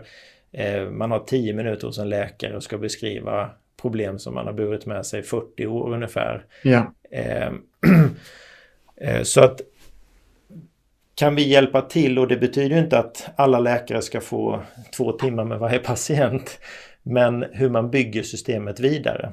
Mm. Eh, så en sak det är att ha ett verktyg som gör att patienten då, även innan man är patient som klient, att man har eh, en erfarenhet av en fördjupad medvetenhet så att man också lättare kan sätta fingret på vad det är som är problematiken. Diagnos kommer från latin betyder ju två som inte vet. Dia två agnos inte veta. Så det mm. kommer ifrån, för jag menar när du sitter hos en läkare och säger så här, men jag kan inte sova, men hur mår du? Det är ju inte bara upp till läkaren att ställa exakt rätt fråga, för ju bättre du känner dig själv, desto bättre kan du presentera vad är det som känns bra och inte känns bra, så att man inte bara förlitar sig på eh, labbprover. Så bara en sån sak kan göra att kan vi integrera holistiska metoder eh, koppla, knyta friskvården med hälso och sjukvården så kan vi nå, eh, eller vi kan komma ganska långt. Eh, men oavsett hur vi ser på hur, hur mycket vi är i friskvården, hur mycket vi är i hälso och sjukvården, så när det gäller hälso och sjukvården så är ju det här forskningsarbetet och att, att fortsätta jobba med forskning, förtydligandet, eh, metodbeskrivningen, den är jätteviktig därför att vi har ju Socialstyrelsen då som är avgörande kan man säga. Ehm, Beslutsinstans som utifrån SBU värderar forskning. Så det arbetet vi har gjort idag från 0 till 325 vårdenheter eh, det är ju såklart en eh, kombination av att vi har utbildat folk som jobbar i vården som eh, har varit med och varit avgörande i den här utvecklingen. Som en del har varit forskare och forskat på det. De flesta har gjort utvärderingar i form av ja, eh, utvärderingsinstrument som är ett krav i, såklart i all hälso och sjukvård att man gör så att man vet att det funkar. Så den beprövade erfarenheten eh, har ju varit också jätteviktig, gått hand i hand med detta. Eh, men som vi ser så är ju eh, vi bara i slutet på början. Mm, precis. så Eh, ja, vi fortsätter jobba och, och, och drivs av den ambitionen och i den bästa av världar så kan vi bidra till att, att eh, fördjupa medvetenheten och förståelsen om eh, vad de här verktygen, vad de ger för någonting. Och då kan vi också öppna upp dörrar för att, jag menar, kan vi få eh, gemene man och person mer hälsomedvetna, precis det jobbet som ni gör, så eh, även om vi har en, en liksom säker evidensbaserad metod i hälso och sjukvården så är det inte så långt steg om jag vill botanisera eller fördjupa mig med annan typ av yoga eller meditation eller gång eller vad det nu jag vill göra utan det ena föder det andra när vi börjar eh, utforska eh, hälsa och eh, vår inre balans. Ja, det där tycker jag är så viktigt, det här integrativa. Hur kan vi brygga? Alltså det finns ju jättemycket bra fördelar med det hälsosystem som vi har idag, men det finns också vad heter det, ehm, fläckar som behövs fyllas eller tomrum som behövs fyllas. Och att det som du säger också här att, att ge människorna tillbaka kraften att veta vad det är för fel på dem. Att det inte blir att man kommer in till ett rum och man har ingen aning om vad det är som sker med Att man, man har lite hum om att ah, jag har lite ont i hjärtat eller jag har lite ont här i magen. Och det kanske beror på det, att det inte bara blir att fixa mitt problem, lös mig. Utan att vi behöver både utbilda det svenska folket också, lite som du nämnde här i, i början av avsnittet, att Göran, eller du sa till Göran, bara, men varför har jag inte lärt mig det här tidigare? Vad är det som gör att eh, jag får lära mig mycket andra saker som jag kanske inte har så mycket nytta av i skolan efter jag gått ut skolan. Men att ta hand om mig själv som är det viktigaste vi har, vår egen hälsa. Varför har vi inte fått mer verktyg i det? Att hur kan vi skapa mer ett holistiskt sätt att skapa eh, mer kunskap kring vår egen kropp och hur vi funkar och hur vi kan ta hand om oss själva bättre. Det där är ju skitintressant och det är ju jättefint att veta det arbete som ni fortsätter att lägga och som ni har lagt på forskningen för att ge, ge mer ljus till det och få ett mer helhetssätt att se på eh, yogan och eh, hur det kan användas för att läka människan. Eh, men vad, vad, känner du själv kring alla de här forskningsrapporterna? Vilken är, kan någon på så här rak arm som står ut för dig att shit, den här eh, är min favorit att hänvisa till eller prata om när det kommer till de forskningsrapporterna som ni har gjort? Eh, menar du de på medyoga eller forskning på eh, yoga generellt? Um, Av de vi har gjort? Ja, eh, vad generellt bara, eller vad, vad du känner att liksom, oh, shit, det här är intressant. Just att se den här effekten som den här forskningsrapporten visade. Alltså, jag tror att eh, när man jobbar med eh, den typen av arbete som vi gör så Dels är det så att, att forskningsrapporter är, ska man ju se som eh, ett underlag för utveckling. Mm. Ofta ser man dem som att här kommer sanningen.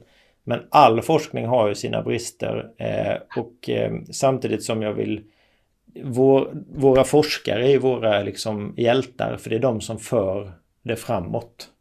Utan dem så hade det inte Medyoga varit där det är idag. Och vi vill ju så mycket som möjligt kratta manegen, skapa strukturer, eh, modeller, eh, terminologi, eh, ja, stöd och, det, och vad vi kan också bidra med till forskare som vill inkludera medyoga i eh, studier.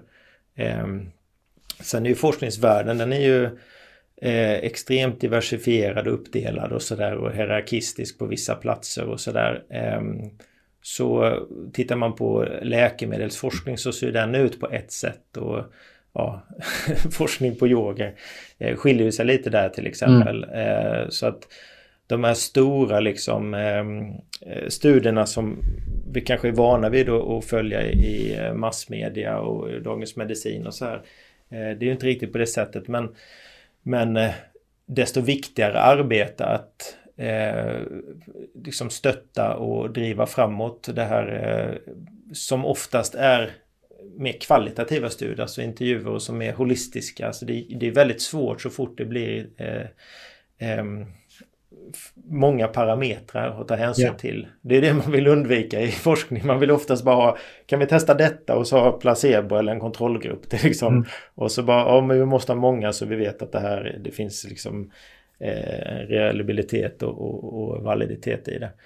Um, så det är lite komplext. Uh, så med det sagt så brukar jag säga att en pilotstudie som är när man läser den kan upplevas som att ja, men det här måste varit någon elev som har gjort liksom. Den kan ju vara otroligt viktig för att den ska föda en idé om att ta den vidare. Att, att det kan vara ett, en, ett patientområde eller att man tittar på eh, ja, någon specifik parameter. Men där det också är viktigt att man, vi eh, är väldigt noggranna med att inte heller eh, fascineras för mycket av det här som man oftast i internationell press om forskning tittar på. Eh, eh, ja men det finns så mycket exempel, vad ska vi säga, hur ett visst område kanske i hjärnan när det ökar den grå massan och så lägger man jättemycket highlight på det. Eh, vi säger Eh, vid meditation till exempel att, att ner på gennivå så eh, minskar inflammatoriska processer vid ett specifikt typ av tillstånd. Eh, mm. Det är jättespännande. En del av de här är väldigt banbrytande för att koppla ihop det här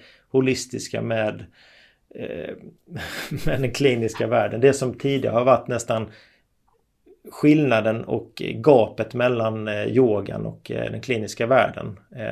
Det som oftast klassas som esoteriskt. Så nästan all forskning som kommer eh, är ju jättegivande för att det är så många bitar i det här pusslet som vi behöver lägga. Men de stor, den stora bilden, det är mm. den som är den viktiga. Att de tillsammans också, det kommer fler och fler sådana metastudier på det också som visar just att det är kombinationen av det här som är det viktiga. Så idag är det som jag sa i början, det är en jättestor skillnad eh, mot vad det var förr i tiden. Hur de här delarna betraktas som en helhet, att body-mind-perspektivet är viktigt. Ehm, så ehm, det kan jag säga, det är jätteviktigt att vi inte tittar på vad skiljer den ena yogaövningen från den andra eller vad skiljer den ena...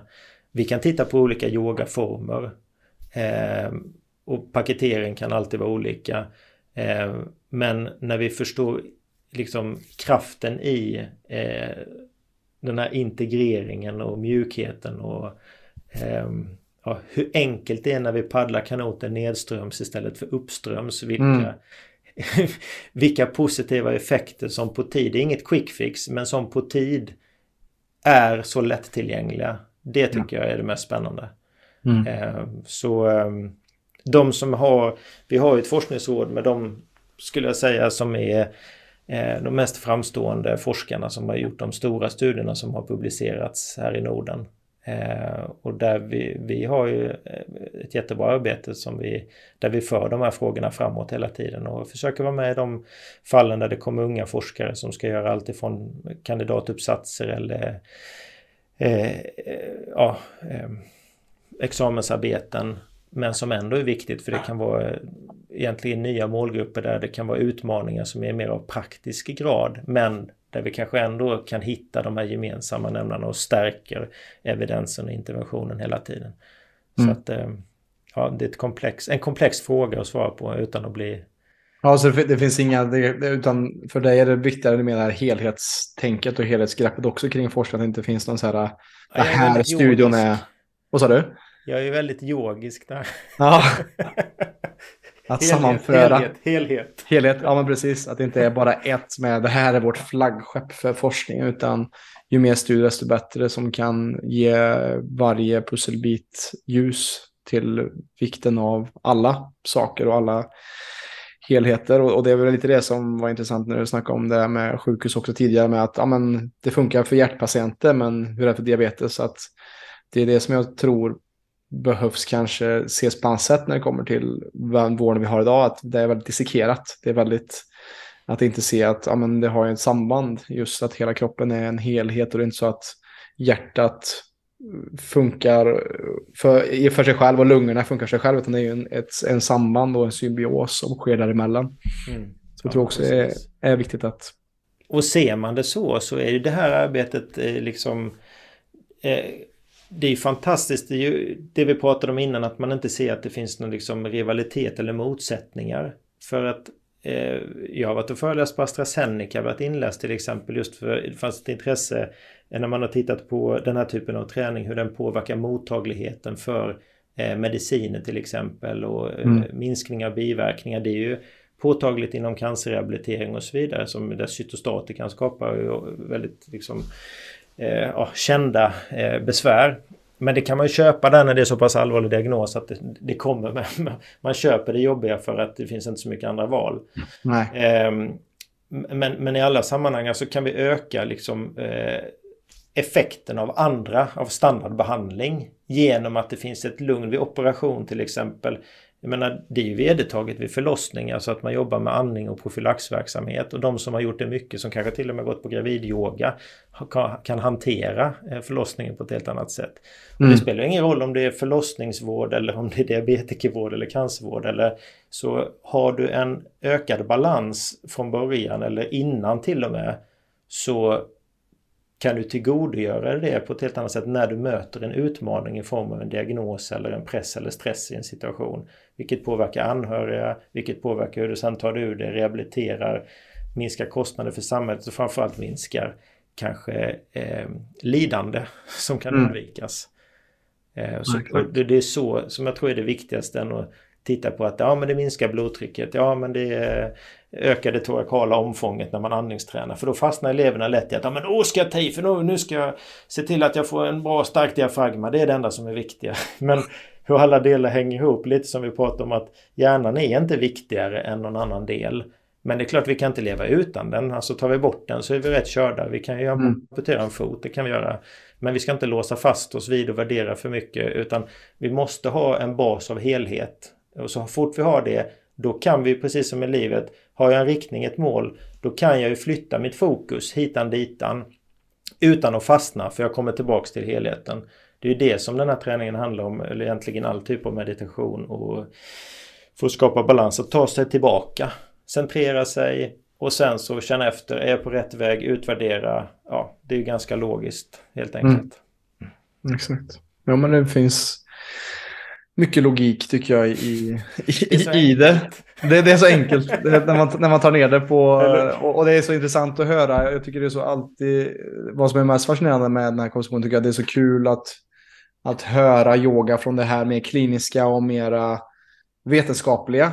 För oftast är det bara att man... Ja, men, man kan höra, om man är i en vanlig yogastudio, man kan höra diverse olika saker och säga åh, det här öppnar upp femte chakrat och det här, den här Mm, är du verkligen säker på det? Hur, eller hur vet du, hur vet du det där? Eller så här, hur vet du att ja. bukspottkörteln börjar eh, producera mer eh, vad det kan vara? Men alltså, eh, jag tycker det är fantastiskt det arbetet som, som läggs ner kring att just kanske demystifiera just yogan och få det som ett vedertaget begrepp att, att det är här för att stanna och det är någonting som verkligen kan hjälpa och det har funnits i så många år. Alltså det har funnits i, över 5000 år enligt vissa skrifter. Mm. Att, att se att det finns eh, validitet till, eh, till den instansen som finns, eh, som ni skapar också med medyoga. Mm. Och jag brukar säga det, jag vill bara fylla i där. Det som jag tycker är fint med yogan är ju att du lägger det på den nivå du vill. I vårt mm. fall så blir det viktigt att vi i varudeklarationen och i presentationen förhåller oss till de kliniska riktlinjer och vårdlagar och så vidare. Mm. Eh, men det betyder ju inte att du inte får resa till ett annat solsystem när du mediterar i medyoga. så jag brukar säga det är upp till dig själv. Ja, exakt. Och för de som vill utforska det ämnet och eh, galaxresor så då kan man ju fördjupa sig någon annanstans. Det är inte där vi är bäst. Nej, exakt. Nej, men, precis. Men, det, men, det... men det finns inga förbud. Nej, men det är det som är intressant när man, jag som har mediterat i 15 år och, och håller på med gångbad och sånt nu också, man möter på så mycket eh, intressanta liksom, eh, upplevelser som folk delar med sig. Som man bara, ja, visst, du kanske var i ett tidigare liv eller du kanske var, vad vet jag? Jag är alltid en ständig skeptiker till det, även fast jag är också väldigt eh, ja, men andligt intresserad så finns det också en naturlig skepticism. Ja, så kanske det var. Eller så kanske det bara var att du hittar på. Eller så, ja, vad vet jag. Alltså, men vad som jag tycker alltid är viktigast är att oftast går med en person som har en eh, upplevelse som varit utöver det vanliga. Det är ju den, det, det är det som är intressant. Den här känslan som de lämnar yogasalen med, eller gångbadet med. Mm. Som kanske förändrar deras liv. Eller de får en insikt som är djupare än de någonsin har fått. För att de har kommit ner i så djupt parasympaticus. Så att de har fått mer kontakt med sig själva och med sin kropp. Och det är det där som jag tycker är intressant. Sen vad, vad som sker, som du säger, om de, är, om de är på en annan planet i, sitt, i, i sin inre resa i meditation, det skiter jag fullständigt i. Så länge de mår bra och mm. går därifrån med en känsla av att de är påfyllda med ny energi. Det är det som jag tycker är intressant. Och det är så härligt att höra för det är det vi behöver också eh, vara tydliga med att tillbaks in i dig själv. Ja. Rest ut till en annan planet om det var så, men tillbaks till dig själv. Mm.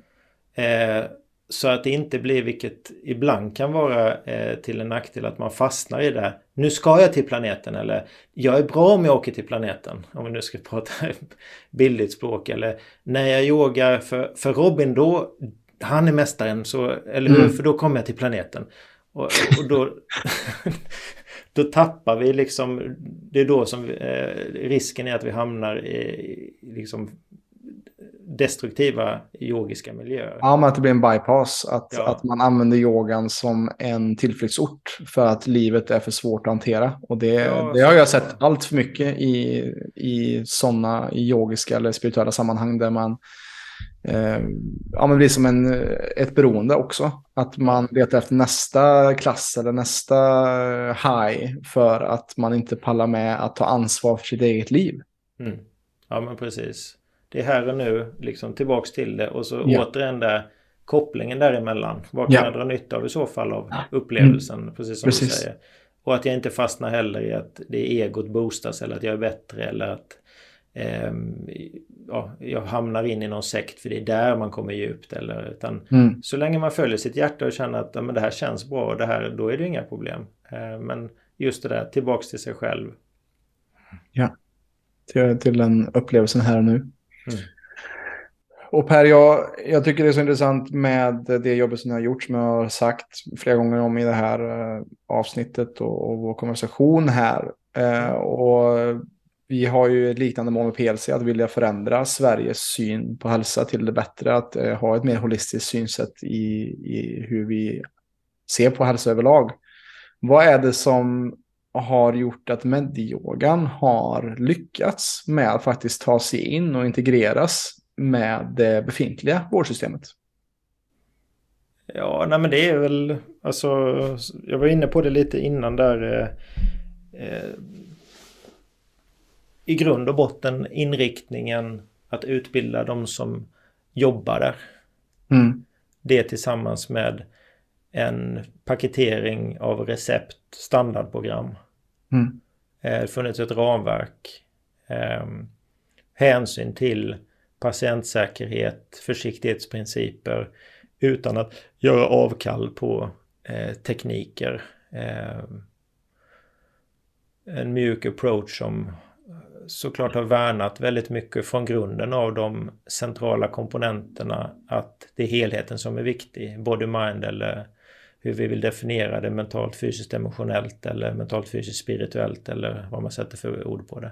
Mm. Eh, och det tillsammans med att eh, de som jobbat med det och jobbar med det och där har även, det är inte bara inom hälso och sjukvården utan för den som lyssnar nu och kanske jobbar i friskvården så är det ju också jätteviktigt att den här brobyggandet att, att det har varit funktionellt och, och personer har blivit hjälpta i friskvården kanske kommit utslussade från sjukvården eller tvärtom har frågat efter det. Så alla eh, som eh, jobbar och har jobbat med det på, utifrån de här premisserna har ju varit med och bidragit till det. Alltså det, det är en tid vi lever i som har varit mogen för det för att vi lever i en stressad eh, Även om vi har ett välfärdssamhälle och det märker vi nu när det börjar gunga lite mer runt om i världen också. Stressen ökar och, och så mm. vidare. Att vi behöver verkligen ha tydliga verktyg för att, att centrera och grunda oss och ja, skapa så mycket balans som vi väl kan. Det blir ännu viktigare när det är osäkert utanför. Eh, så eh, det är summan av det skulle jag säga och sen så försöker vi ju bara som, det måste vara någon som, som styr och leder arbetet. Så från institutets sätt så, som jag var inne på tidigare så eh, är det bara en eh, heder, en fröjd och ett kall att fortsätta att styra det liksom mot att eh, implementera det ännu mer och göra det jobbet för att försöka hitta de centrala beskrivningsmekanismerna och låta tiden sen Eh, och forskningen utvecklas och jobbar på eh, för att integrera den med så att det sprider sig. Men det är ju verkligen det som yogan handlar om. Det är inget quick fix utan eh, man kan ju yoga en månad, ett halvår, ett år. Som för min del, jag tyckte det mest var jobbigt i början men kände ändå någonstans att det här kan ge någonting. Mm. En del blir bra snabbt men, men summa summarum så är det ju så att vårt västerländska perspektiv på hälsa, ju mer vi jobbar med det desto mer förstår vi att det finns liksom ingen, inget eh, tak.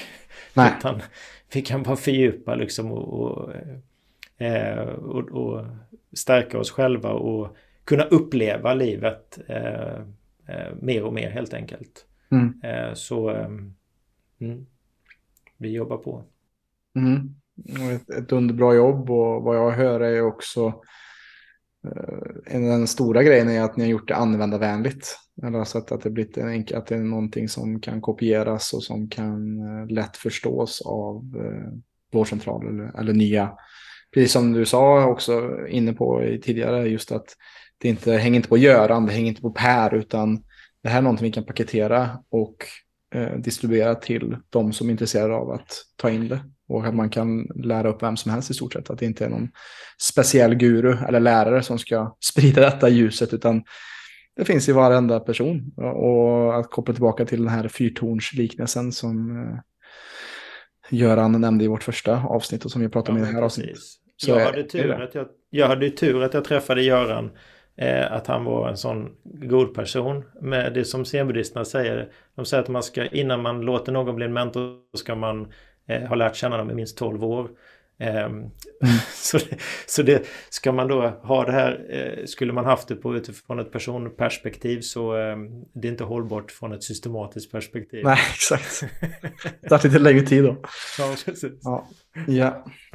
Du Per, det har varit jättetrevligt att eh, samtala med dig. Eh, och det har också berikat eh, mig, att jag har lärt mig mycket av detta själv, känner jag. Um, och är det någonting mer du har som du vill dela med dig av innan vi börjar runda av här för idag till de som lyssnar? Är det någonting som vi varit inne på som du kanske vill säga någonting mer kring? Nej, inte direkt. Är det någon som är intresserad eller sådär så får de, eh, eller är du som lyssnar hjärtligt välkommen och höra av dig. Kan jag bara lägga min mailadress i så fall kanske på något Mm. Eller som jag ska säga det. Det är enkelt. Per utan prickar medyoga.se om det finns mm. någon fråga. Mm, sådär. Eh, annars tycker jag jag har pratat alldeles för mycket i vanlig ordning.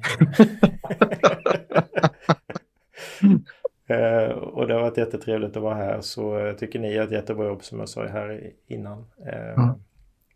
och tillsammans så bidrar vi. Det, ju mer vi kan lägga liksom fokus på eh, förbättrad hälsa desto mer harmoni och hållbarhet på planeten, vilket jag tror är jätte, jätteviktigt. Eh, ja. Så vi vill ju få våra nära och kära må bra och ju fler vi kan få må bra, desto bättre. Precis. Och på det spåret, eh, när du snackar om nära och kära, så brukar jag alltid säga det när vi rundar av här, att har det varit inspirerande, har det varit eh, Eh, kul att lyssna på och att du har tagit med någonting från det här avsnittet. Så dela för all del med dig detta till när och kär. Så att vi med en stadig, rask takt kan förändra Sveriges syn på hälsa. Tack för idag. Tack Robin. Stort tack för att du har lyssnat på detta avsnittet av PLC-podden. Om du som lyssnare är intresserad av att få bättre balans på din kropp och hälsa så kan du gå in på www.plclub.se. Där kan du göra en gratis hälsoundersökning och läsa mer om hur vi hjälper människor på ett holistiskt sätt att skapa mer energi, få igång förbränningen och minska värk. Alltså www plclub.se. Vi finns även på Instagram, YouTube, Spotify och Facebook at Premium Lifestyle Club om du vill ta del av mer gratis material. Stort tack för din tid här med oss.